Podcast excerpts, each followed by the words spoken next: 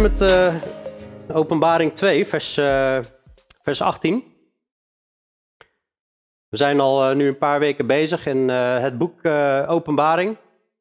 En Jezus introduceert zichzelf in hoofdstuk 1 en zegt tegen Johannes, de apostel, dat hij op moet schrijven hetgeen hij gezien heeft. Dat is Jezus Christus' verschijning. Hetgeen is en hetgeen hierna zal gebeuren. En hetgeen is, dat is de periode van de gemeente. En wat hierna zal geschieden, dat is voor ons ook nog toekomstig. En we hebben meerdere brieven behandeld. Jezus heeft een boodschap aan zeven kerken, zeven brieven. In die zeven plaatsen in Azië. Nou, die boodschappen die, uh, die variëren. Heel veel zie je van dit is wat je goed doet, dit is wat je niet goed doet. We zijn één gemeente tegengekomen waar Jezus niks op aan te merken had. We gaan vandaag verder met uh, de vierde brief aan Thyatira in hoofdstuk 2 vers 18. Eh, Ik zal hem heel even kort voorlezen. En daarna behandelen we ook nog de vijfde brief aan Sardes. Die lezen we straks even voor. De vierde brief aan Thyatira. Hoofdstuk 2, vers 18. Schrijf aan de engel van de gemeente in Thyatira. Dit zegt de Zoon van God, die ogen heeft als een vuurvlam en voeten als blinkend koper. Ik ken uw werken, de liefde, het dienstbetoon, het geloof, uw volharding en uw werken. En ook dat de laatste meer zijn dan de eerste. Maar ik heb enkele dingen tegen u, dat u de vrouw Izebel, die van zichzelf zegt dat ze een profetes is, ongemoeid haar gang laat gaan, om te onderwijzen en mijn dienstknechten te misleiden, zodat ze hoererij bedrijven en afgodenoffers eten. En ik heb haar tijd gegeven, opdat zij zich van haar hoererij zou bekeren, maar ze heeft zich niet bekeerd. Zie, ik werp haar te bed met hen die overspel met haar plegen, in grote verdrukking, als zij zich niet bekeren van hun werken. En haar kinderen zal ik door de dood ombrengen. En alle gemeenten zullen weten dat ik het ben die nieren en harten doorzoek. En ik zal u geven een ieder naar uw werken. Maar ik zeg tegen u en tegen de overigen in Thyatira, voor zover zij deze leer niet hebben en zij, zoals ze dat noemen, de diepte van de Satan niet hebben leren kennen, ik zal u geen andere last opleggen dan deze. Houd vast aan wat u hebt, totdat ik kom. En wie overwint en wie mijn werken tot het einde toe in acht neemt, hem zal ik macht geven over de heidevolken. En hij zal hen hoeden met een ijzeren staf. Zij zullen als kruiken van een pottenbakker verbrijzeld worden, zoals ook ik die macht van mijn vader heb ontvangen. En ik zal hem de morgenster geven. En wie oren heeft, laat hij horen wat de geest tegen de gemeenten zegt. Nou, als je dit zo heel even leest, dan merk je al van, uh, oei, hier zit wel echt uh, krachttaal uh, in. Maar het is meer dan alleen maar krachttaal, want wat God zegt, dat doet hij ook. En het is een van de kleinste plaatsen, Thyatira, maar het is tegelijkertijd de langste boodschap die Jezus heeft. En hij schrijft, eh, hij uh, schrijft aan de engel en de boodschapper van de gemeente in Thyatira, dit zegt de Zoon van God, die ogen heeft als een vuurvlam en voeten als blinkend koper. Het bijzondere is, is, we zien elke keer een eigenschap uit hoofdstuk 1 en dat zien we dan als Jezus de boodschap geeft aan de gemeente, zien we een van die eigenschappen terugkomen.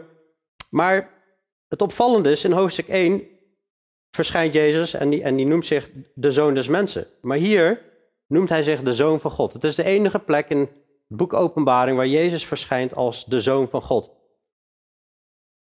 Misschien om duidelijk te maken, jongens, ik, ik ben het. Ik ben God. Zoon van God stond gelijk aan God. En er was in uh, de plek, uh, was ook een tempel voor de zonnegod. En misschien om nog eens even duidelijk te maken van, ik ben God en jullie zijn afgeweken. Jullie zijn bezig met afgoderij. Jullie zijn bezig af te wijken. En dan staat Jezus daar, die ogen heeft als een vuurvlam en voeten als blinkend koper. Nou, iemand die ogen heeft als een vuurvlam, dat klinkt vrij heftig. Alsof hij echt doordringend overal doorheen kijkt.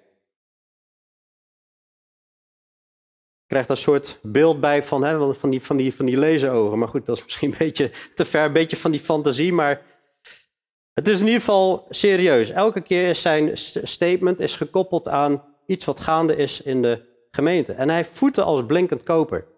In hoofdstuk 1, daar zie je dat uh, in, in, hoofdstuk 1, vers 15, zijn voeten waren als blinkend koper, gloeiend gemaakt in een oven. En soms denk ik van ja, waarom staat er nou dat koper? Waarom is dat nou specifiek koper? waarom is nou in het, in tabernakel, in het Oude Testament, waarom moest alles zo specifiek buiten het tabernakel van koper zijn en binnen moest alles van goud zijn? Waarom, waarom moest uh, die slang die verhoogd werd in de woestijn, waarom moest die van koper zijn? We zien dat, dat bepaalde materialen in de Bijbel ook een geestelijke betekenis hebben. Zoals goud eigenlijk staat voor de heiligheid. De hoge priester moest een plaat voor op zijn hoofd hebben van goud, waarop stond de heiligheid van de Here. Zo, zo, zo, zo, lijkt het dat, dat koper in het Oude Testament, dat dat stond voor eh, oordeel en, en reiniging. Eh, het altaar waarop geofferd werd, wat staat voor het offer van Jezus, dat moest van koper zijn. Daar vindt het oordeel plaats. En dan had je het koperen wasvat. Dat staat voor de reiniging. In Efeze 5 lees je over dat we met het badwater van het woord eigenlijk gereinigd worden. Ook die koperen slang, dat spreekt van oordeel. En als je hier deze tekst leest, dan, dan zie je dat, dat Jezus ook echt een boodschap heeft om te oordelen in deze gemeente. We hebben eerder al gelezen in 1 Petrus 4 dat het oordeel begint bij het huis van God. En als het bij ons begint, bij de gemeenten, hoe erg zal het dan zijn voor hun die het evangelie ongehoorzaam zijn geweest? Dus daar zou mogelijk een link kunnen zijn. En dan zegt hij vers 19, ik ken uw werken, de liefde, het dienstbetoon, het geloof, uw volharding en uw werken. En ook dat de laatste meer zijn dan de eerste. En dus misschien op het oog, we zien hier een, een contrast met de Efeze gemeente. De Efeze gemeente, ja, die was valse apostelen aan het herkennen. En uh, die had onderscheid van geesten. En dat was allemaal goed. Maar die hadden de eerste liefde verlaten. Deze mensen, nou, die hadden wel liefde, staat hier. Ik ken uw werken, liefde. Maar als je het zo bekijkt, dan lijkt het vooral horizontale liefde te zijn. En de verticale liefde, die lijken ze kwijtgeraakt te zijn. Want ze laten hier iets toe in de gemeente waar Jezus erg, erg boos over is. Dus dat, dat, dat zie je aan de context. Ik ken uw werken, de liefde. Ja, maar goed, hij, hij heeft hier verder geen commentaar op. Liefde is natuurlijk goed. Het dienstbetoon, er wordt gediend. Ze hebben geloof, ze hebben volharding. En hij kent hun werken. En hij zegt ook dat de laatste meer zijn dan de eerste. Dus kennelijk ja, is er een ontwikkeling geweest in die gemeente dat ze ja, echt wel dienstbaar zijn geweest, dat er veel werken zijn, misschien liefdadigheid, uh, helpen bij mensen en zo. En dat was allemaal goed. Dus dat zijn dingen, daar heeft Jezus niet iets op aan te merken. Maar vers 20 zegt hij, maar ik heb enkele dingen tegen u. Dus dat zijn er in ieder geval meer dan één. En dan gaat hij, ze benoemen. Dat u de vrouw Izebel, die van zichzelf zegt dat ze een profetes is, ongemoeid haar gang laat gaan. Om te onderwijzen en mijn dienstknechten te misleiden, zodat ze hoererij bedrijven en afgodenoffers eten. Nou, we hebben net natuurlijk gezongen over de heiligheid van God. En dit heeft natuurlijk niks te maken met de heiligheid van God. Jezus is gestorven voor onze zonde. En als we ons bekeren van de zonde en laten reinigen en dan heilig gaan leven, dan is er genade. Dan, dan is Jezus blij met ons. Jullie zijn mijn vrienden als je doet wat ik je gebied. Maar hier zijn ze iets aan hun laars aan het lappen. En die vrouw Izebel, de vraag is natuurlijk of die vrouw echt Izebel heette. Ik bedoel, wie noemt zijn kind nou Izebel? Als je weet wat de geschiedenis is van Izebel. Izebel, uh, vermoedelijk heette zij niet zo, maar is, is het een, een beeld van de Izebel van het Oude Testament. Net zoals dat Jezus bij de derde brief aan, aan de Pergamus, dat hij eigenlijk, eigenlijk zegt van, hè, jullie hebben daar een leer van Biliam, die Balak leerde voor de Israëlieten een struikenblok neer te leggen. Ja, die Biliam die was al, uh, ik weet niet, misschien 1500 jaar of zo uh, daarvoor al overleden. Uh, dus een kenmerk van die leer. Waarschijnlijk is dit een, een, een kenmerk van Izebel. Nou, wie was Izebel nou, voor wie het verhaal niet kent? Het was in het... Jij weet...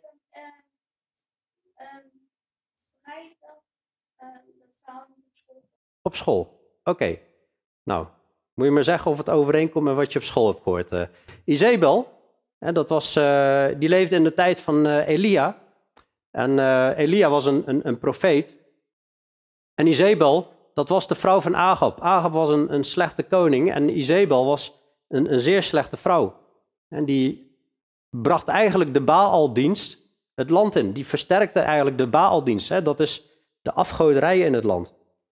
En ze had ook een hekel aan Elia. Ze had een hekel aan de profeten van, van God.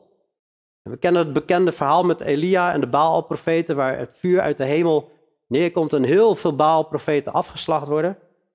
Izebel die had één doel, dat is Elia die moet dood. De profeet van God moet afgeslacht worden. Een verschrikkelijke vrouw. Op een gegeven moment wordt er over haar geprofiteerd hoe ze zal sterven. Ze zal door de honden opgegeten worden.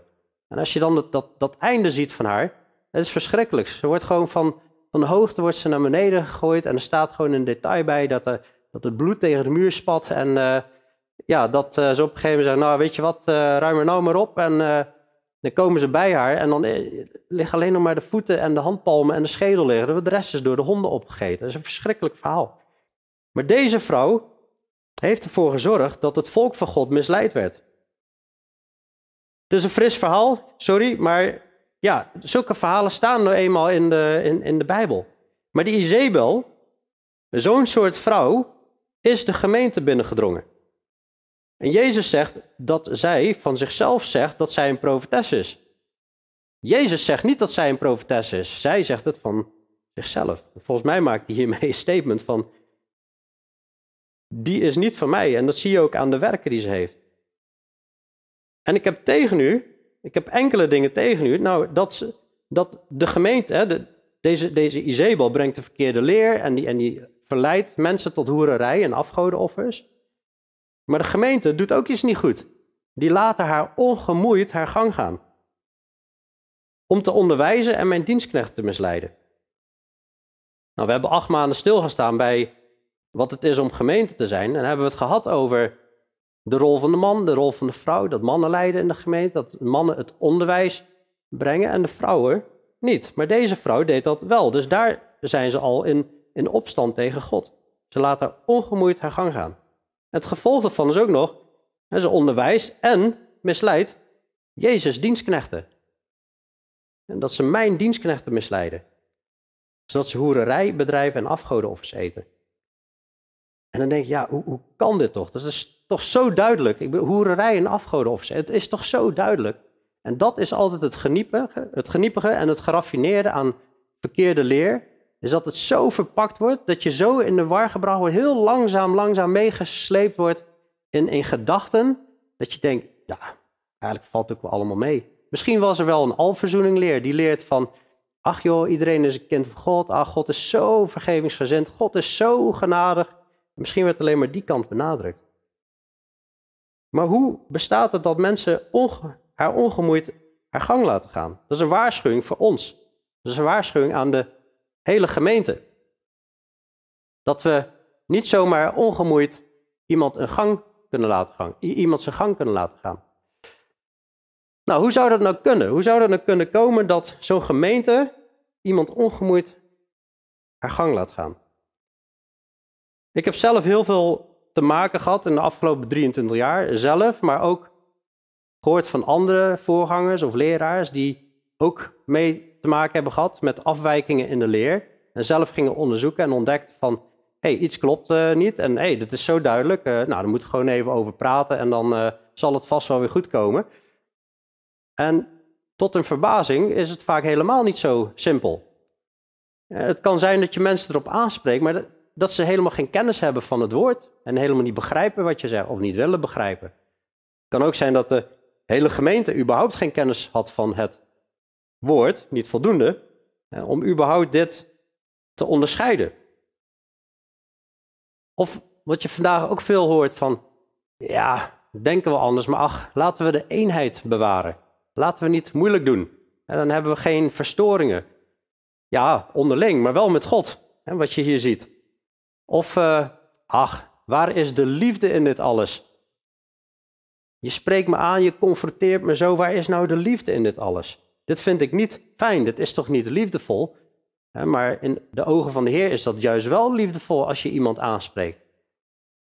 Of tja, ja, jij bent meer van de regeltjes, ik ben meer van de genade of zo. Hè? Van, dat van dat soort dingen. En natuurlijk moeten we oppassen met regeltjes die door mensen bedacht zijn, maar Jezus heeft ook gewoon geboden gegeven. Of, nou ja, dit komt wel heel wettisch over. Hè? Dat we nou, nou krijg ik het gevoel dat ik iets moet. Hè? Maar Jezus heeft zelf gezegd, als iemand achter mij wil komen, dan moet hij zichzelf verloochenen en het kruis opnemen. Ach, we moeten geen partijen creëren. Je hebt gezien in 1 Korinthe 1 tot 4 dat we geen partijen moeten creëren. Ik ben van die, ik ben van die. Maar ja, de context is dat dat Apollos waren en Petrus en Paulus en dat ging over Jezus. Dat waren mannen die gewoon de waarheid spraken. En daar moet geen verdeeldheid over zijn. Maar we moeten wel die leer onderscheiden. Ach, gaan we elkaar weer met de Bijbel om de oren slaan? Dat, ja, maar dat zijn echt kreten, de dooddoeners, om, om mensen het zwijgen op te leggen. En het klinkt heel grappig als je het zo noemt, maar dit gebeurt gewoon echt werkelijk in de praktijk. Dat mensen gewoon geen zin hebben om vermaning te horen.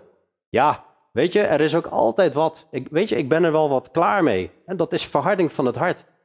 Maar Hebreeën 3 eh, en 4 staat: Vandaag, als je mijn stem hoort, verhard dan je hart niet. We moeten echt bij het woord van God blijven. Of wellicht durven mensen niet te confronteren. Mogelijk zijn ze geïntimideerd door de persoon. Misschien is het een hele sterke persoonlijkheid.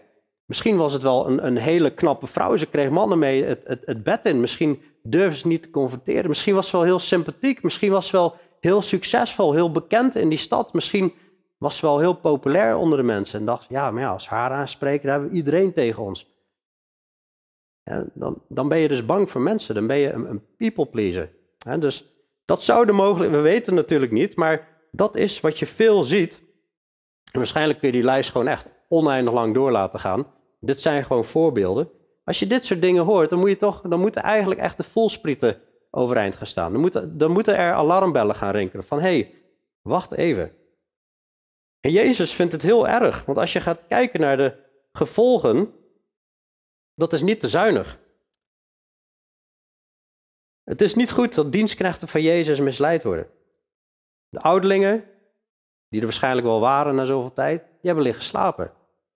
Maar ook de gemeente wordt opgeroepen om te onderscheiden. We worden opgeroepen om elkaar dagelijks te vermanen. Het gevolg van die verkeerde leer, wat later de diepte van de Satan wordt genoemd, het is diep satanisch, is dat ze hoererij bedrijven en afgodenoffers eten. Het is een andere leer, die, die leer wordt anders genoemd dan in Pergamus, maar het heeft eigenlijk dezelfde uitwerking. Losbandigheid, seksuele losbandigheid en afgoderij. En dat is meer dan iemand die naar de hoeren gaat, hè, hoererij. Hè. De hoererij, dat is, dat, daar valt alle, alle seks voor het huwelijk valt daaronder. dus uh, pornografie, maar ook gewoon uh, nou, om niet te veel in detail treden, maar in ieder geval uh, van alles en nog wat, wat, wat te maken heeft met samen het, het bed delen. Maar hoe reerders en overspelen zal God oordelen, staat ook in Hebreeën 13, vers 4. En afgodenoffers eten, dat was ook wat ze deden. Nou, wij hebben misschien niet zoveel tempels of afgoden om ons heen, zoals bijvoorbeeld in, uh, je in Azië heel veel ziet, of in, in deze tijd waar ze omringd waren door tempels. En tegelijkertijd zie je het boeddhisme keihard opkomen. Waar, waar je, nou goed, bij Eline op werk hoorde je, hoorde je ook dingen erover. Maar je hoort het overal. En tegelijkertijd zie je ook dat er tegenwoordig al christelijke yoga is. Of christelijke mindfulness, mindful with Christ. En ja, het klinkt allemaal mooi, maar het is gewoon eigenlijk niks anders dan, dan, dan dit, hè, wat, wat hier ook gebeurt. Afgodenoffers eten en achter de afgoden, daar zitten demonen. Dit is allemaal pure opstandigheid.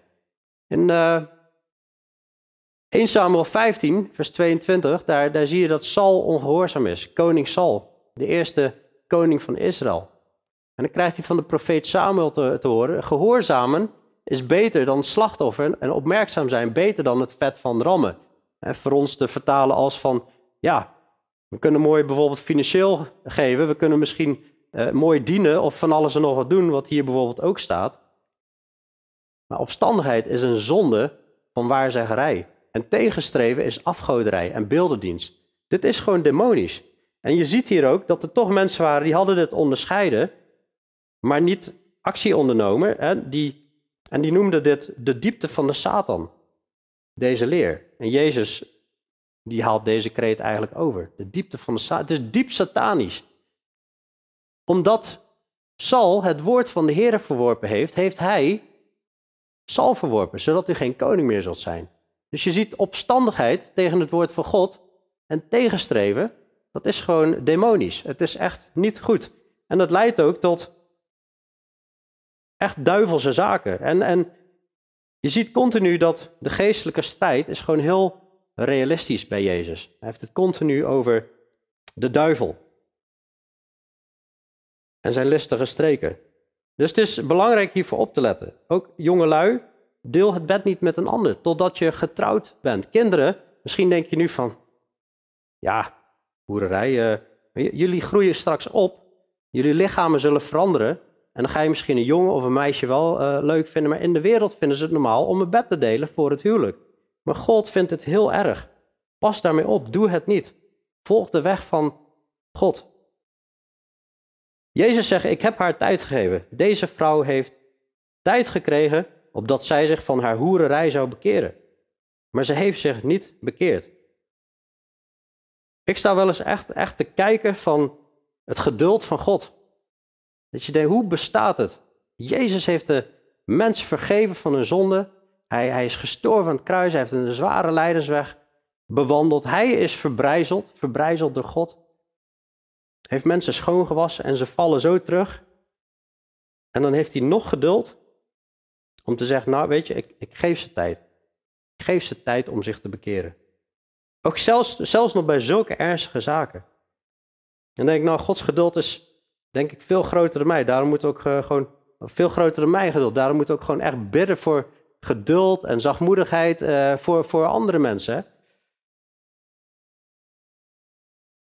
Maar Jezus maakt ook heel duidelijk, de maat is een keer vol. Nu is de maat vol. Het, het, is, het is tot hier en niet verder. Ze moet zich van haar hoererij bekeren, maar ze heeft zich niet bekeerd. Hij heeft tijd gegeven opdat zij zich van de hoererij zou bekeren, maar ze heeft zich niet bekeerd. De consequenties zullen zijn, vers 22, zie, ik werp haar te bed met hen die overspel met haar plegen, in grote verdrukking. En of als zij zich niet bekeren van hun werken. En haar kinderen zal ik door de dood ombrengen, en alle gemeenten zullen weten dat ik het ben die nieren en harten doorzoekt, en ik zal u geven een ieder naar uw werken. Dus de maat is vol. We krijgen nu de laatste waarschuwing. Dit is wat er gaat gebeuren. In het Engels wordt, ik werp haar te bed, wordt vertaald met uh, de sickbed. Iemand te bed werpen, en dat kun je vertalen als iemand zal het ziektebed ontvangen. Dus deze persoon zal uh, ernstig ziek gaan worden. Ik werp haar te bed met hen die overspel met de plegen. Jullie willen graag in het bed zijn. Hier zul je ook het bed krijgen, alleen dan in, in ziekte. In grote verdrukking. Als zij zich niet bekeren van hun werk. Het lijkt, het lijkt erop dat, dat Jezus in ieder geval, nou, die mensen dan, die met haar hoereren, mogelijk ook die Izebel, nog één kans geeft dit is wat er gaat gebeuren als je niet bekeert van je werken. En haar kinderen zal ik door de dood ombrengen. En alle gemeenten zullen weten dat ik het ben die nieren en harten doorzoek en ik zal u geven ieder naar uw werken. Ja, dan ben je aan het voorbereiden en dan denk je, ja, wat ga je hier dan over zeggen? Dit is harde taal. Haar kinderen zal ik door de dood ombrengen. Ik kwam redelijk wat Bijbeluitleggers uh, tegen die dan van haar kinderen vertalen van ja, dat, dat zijn eigenlijk haar volgelingen. Haar volgelingen zal ik door de dood ombrengen. Maar ik vraag me af, ik vraag me af. Is, is dat om de boodschap af te zwakken of zijn dit gewoon echt haar kinderen? Als ik kijk naar wat er gebeurd is bij de Egyptenaren, bij Farao, en dat de eerstgeboren zonen gestorven zijn. Als ik kijk naar het overspel van David, dat zijn kind gestorven is, het zou, het zou misschien toch echt wel letterlijk kinderen kunnen zijn. En denk, ja, is dat dan eerlijk? Het, zou, het zouden ook haar volgeling kunnen zijn, maar er staat gewoon, haar kinderen zal ik door de dood ombrengen. Is dat dan eerlijk? Ja, weet je, God is rechtvaardig en God is goed. En, en, en misschien zijn het jonge kinderen, we, we, weten het niet, maar we weten ook dat David op een gegeven moment zegt, nou, het kind zal niet terugkeren, maar ik zal wel tot hem gaan. Dat hij eigenlijk weet van dit kind is bij de Heer, die is die kan geen keuze maken. Misschien is het wel om te zorgen dat deze kinderen ook niet misleid worden. En misschien is juist nog wel genade voor die Izebel, want er staat ook als we een struikelblok zijn voor kinderen, dan was het beter dat er molensteen om onze nek gebonden uh, werd en dat we in de zee geworpen werden. Dat is zeer ernstig. Ik heb helaas zelf ook mensen gezien die ernstig afweken van de leer, waar baarmoeders gesloten werden, waar miskramen waren, waar dat soort dingen. Een hele reeks binnen een groep dat je denkt, oei. Het is natuurlijk heel moeilijk voor ons om te concluderen dat ligt daaraan. Maar op een gegeven moment zie je een patroon dat je denkt, oei. Maar in ieder geval, Jezus zegt hier, haar kinderen zal ik door de dood ombrengen. Ofwel, jongens, als dit niet gaat veranderen, dan maak je me klaar voor een hele serie, een reeks begrafenisdiensten. Dit is serieuze taal. En alle gemeenten zullen weten, ook Huis van God, alle gemeenten zullen weten dat ik het ben die nieren en harten doorzoek. En ik zal u geven en ieder naar u werken. En weet je, ik ben gewoon blij dat deze dingen hier staan. En dat we een eerlijk beeld mogen verkondigen over wie Jezus is. Ja, hij is die genadige God. De Vader is genadig en tegelijkertijd zie je hier, met God valt gewoon niet te spotten. En hier wordt eigenlijk Jeremia 17 ook een soort van geciteerd. Jeremia 17, vers 9, daar staat: Arglistig is het hart, boven alles. Ja, ongeneeslijk is het. Wie zal het kennen? En dan vers 10 zegt: Ik, de Heer, doorgrond het hart en beproef de nieren. En dat om ieder te geven overeenkomstig zijn wegen, overeenkomstig de vrucht van zijn daden. Als de mensen al eerder naar Gods woord hadden geluisterd, hadden ze het geweten. Dus dit is voor ons ook een waarschuwing. Om op te letten op de leer. Om op te letten op hoe we wandelen. Er kan geen leer zijn die, dit soort dingen tolereert. Dit is een tolerante gemeente. Die ergens hebben gezegd van ja, laten we niet te moeilijk doen. Maar alle gemeenten, deze boodschap is in alle gemeenten om te beseffen hoe heilig Jezus is en dat er niet, dat er niet valt te spotten met hem. Ik kan er niks anders van maken. Ik, ik wil het niet sterker maken dan het is, ik wil het ook niet afzwakken. Het is wat het is. Maar gelukkig ook in deze gemeente, hoewel ze deze leer hebben toegelaten, ze hebben die profetes ongemoeid aan gang laten gaan. Ik zeg tegen u en tegen de overigen in Thyatira, voor zover zij deze leer niet hebben en zij, zoals ze dat noemen, de diepte van de Satan niet hebben leren kennen, ik zal u geen, enkele andere, ik zal u geen andere last opleggen dan deze. Houd vast aan wat u hebt totdat ik kom. Dat is bemoedigend om te zien dat er nog steeds mensen waren die vasthielden. Maar het is een leer die diep satanisch is. Hè? Zoals ze dat noemden, de diepte van de Satan. En ik zei al, ja, in, in, in Zoals Jezus spreekt, is het werk van Satan is super realistisch. Satan is 24-7, 24 uur, 7 dagen per week bezig met zijn handlangers plannen te bedenken. Dus als wij denken dat het wel meevalt, dan is Satan al bezig om jou een volgende valstrik neer te leggen. We moeten continu alert zijn. Jezus heeft al gesproken over valse joden, een synagoge van de Satan noemt hij ze. Over dat Satan sommigen in de gevangenis zal werpen. We hebben gezien over de troon van Satan en waar Satan woont. En hier zien we dat er gesproken wordt over de diepte van Satan. De geestelijke strijd is super realistisch. En dit is hoe Satan werkt. Eerst leer veranderen, eerst mensen laten denken, ach, valt wel mee. Ach, prima, ach, het is goed. En dat deed hij al in de Hof van Eden. Maar houd vast aan wat u hebt, totdat ik kom. Wie overwint en, en wie mijn werken tot het einde toe in acht neemt, hem zal ik macht geven over de heidevolken. En waarschijnlijk gaat dit over het duizendjarig vrederijk, wat we nog zullen ontdekken in het boek Openbaring. Wij gaan met hem regeren. Hij zegt ook, hè, wie in weinig trouw is geweest, over veel zal ik hem stellen. En hij zal hen, die heidevolken, hoeden met een ijzeren staf. Ook wij zullen meehoeden met de ijzeren staf.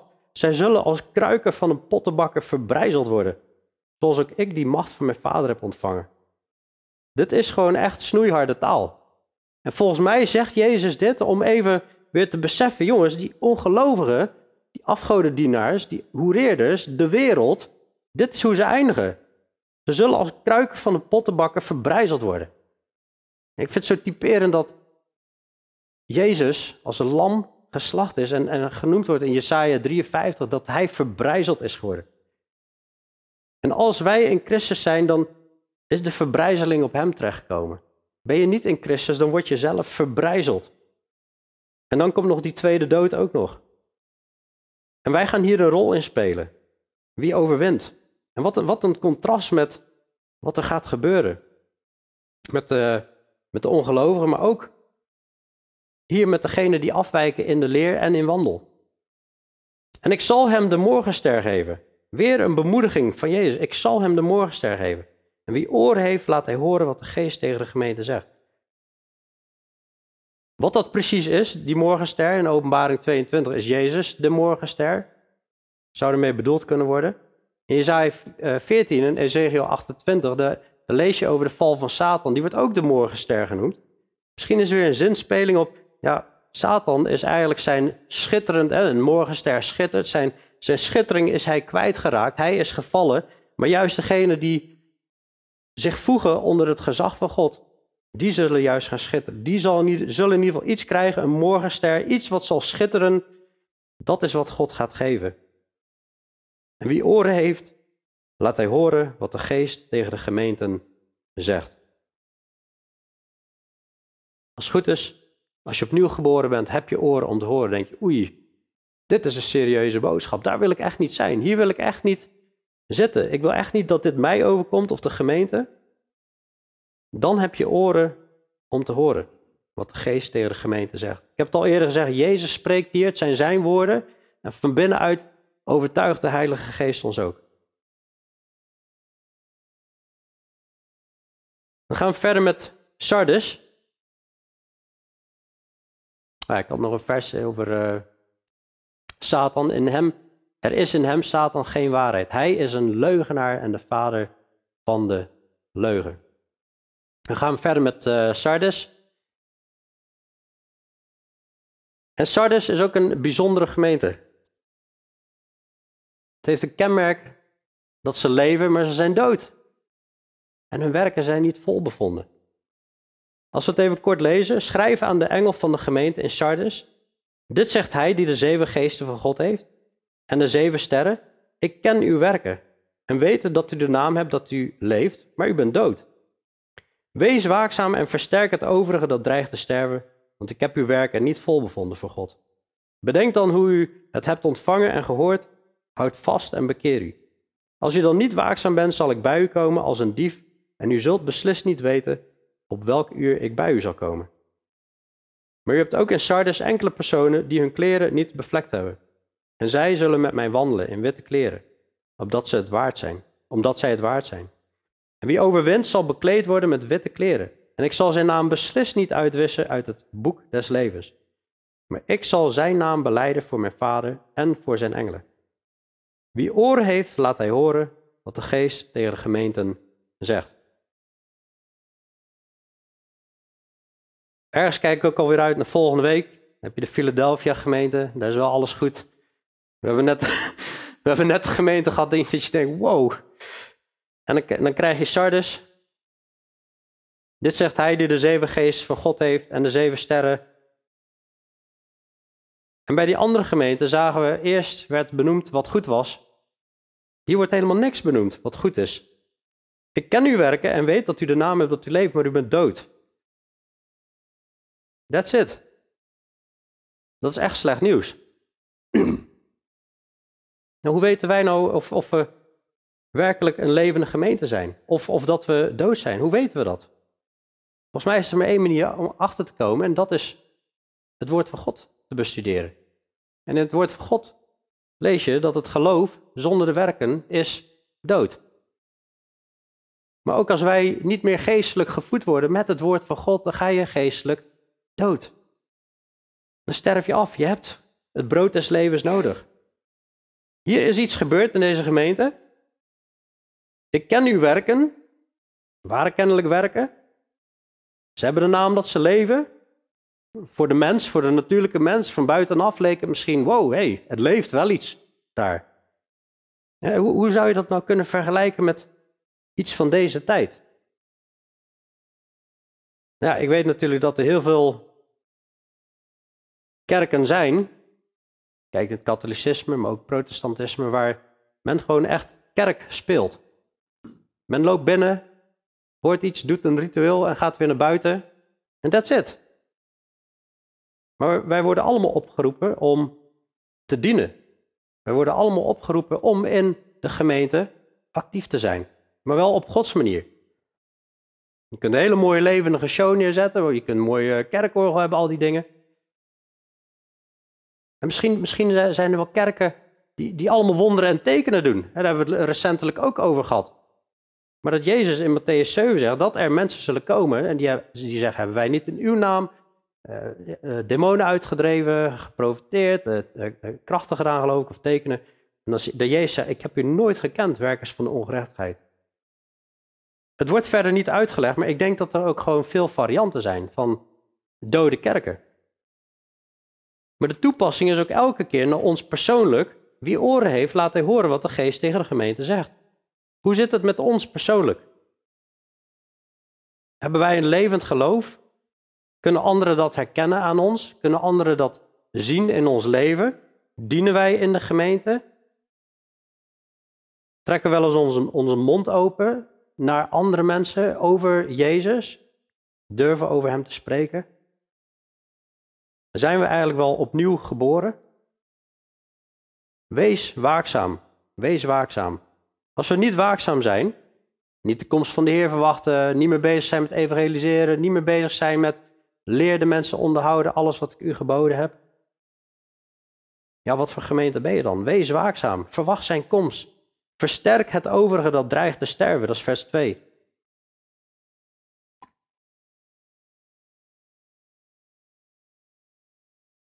Dat is een oproep aan allen. Om elkaar te versterken, aan te vuren, aan te jagen.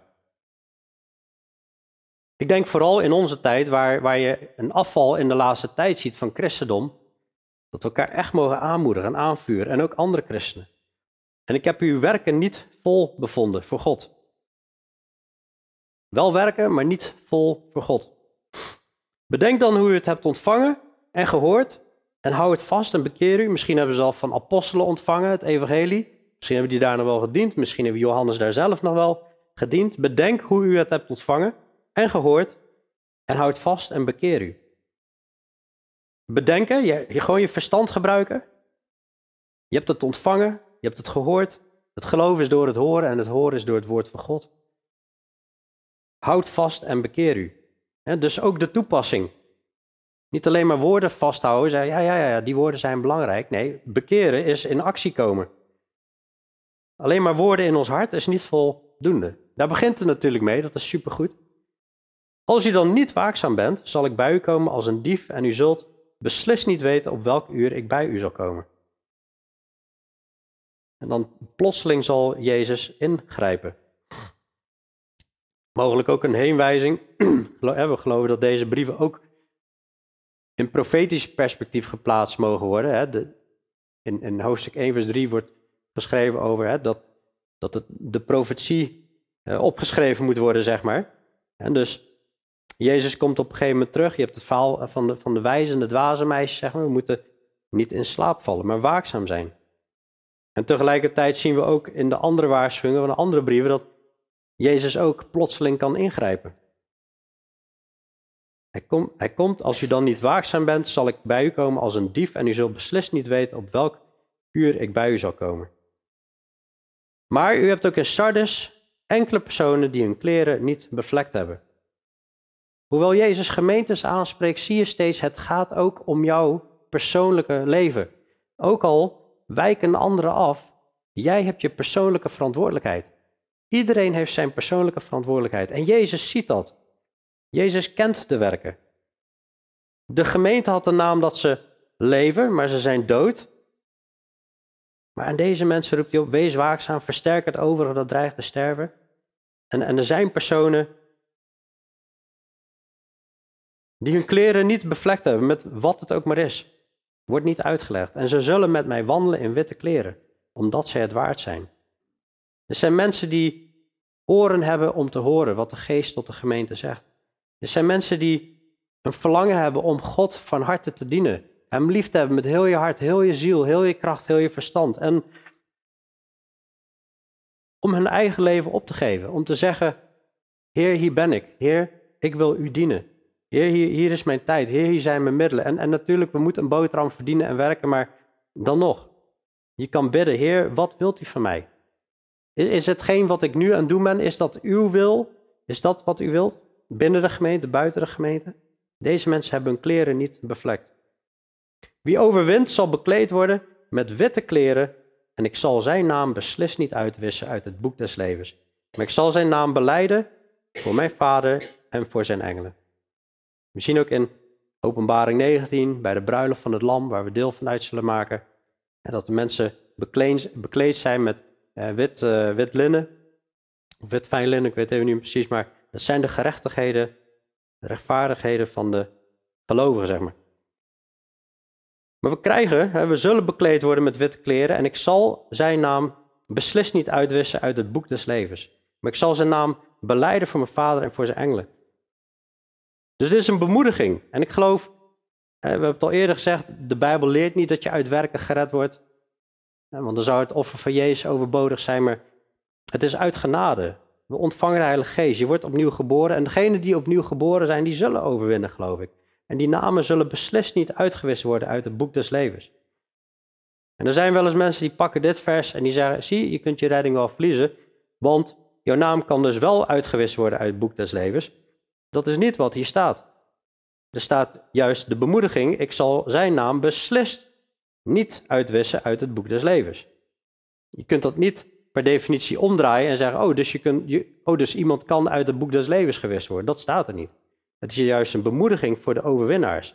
En ik geloof, Johannes 6 en Johannes 10 maakt duidelijk dat, dat een, iemand die echt opnieuw geboren is, die echt getrokken is door de Vader, die kan niet uit de hand gerukt worden. Ik, ik zal hem doen opstaan op de laatste dag. Dat is Jezus' taak om diegene te bewaken. En dat mag niet een argument zijn om te zeggen, nou dan ga ik lekker achterover liggen op de bank. Want dit hoort, dit hoort erbij, het overwinnen, het strijden. En Jezus zal zijn naam beleiden voor zijn vader en voor zijn engelen. Wat een bemoediging. Hij zegt ook wie zich voor mij en mijn woorden geschaamd zal hebben, ik zal mij voor hem schamen. Dit zijn mensen die schaamden zich niet voor hem. Wie oren heeft, laat hij horen wat de geest tegen de gemeente zegt. Luisteren we echt met ons hart. Dat is de oproep van Jezus. Luister je vandaag echt met je hart. Of luister je alleen maar met het hoofd? Dat is ook belangrijk, maar het mag echt tot ons hart doordringen. Dat we zeggen, Heer, ik wil geen doodgeloof hebben. Ik wil niet dat u van mij zegt dat ik de naam heb dat ik leef, maar ik ben dood. En ik wil dat ook niet voor deze gemeente. Dat zou ik echt heel erg vinden. Ik ga verantwoording afleggen, ook nog. Uh, maar uh, tegelijkertijd heeft iedereen zijn eigen verantwoording. Zullen we bidden?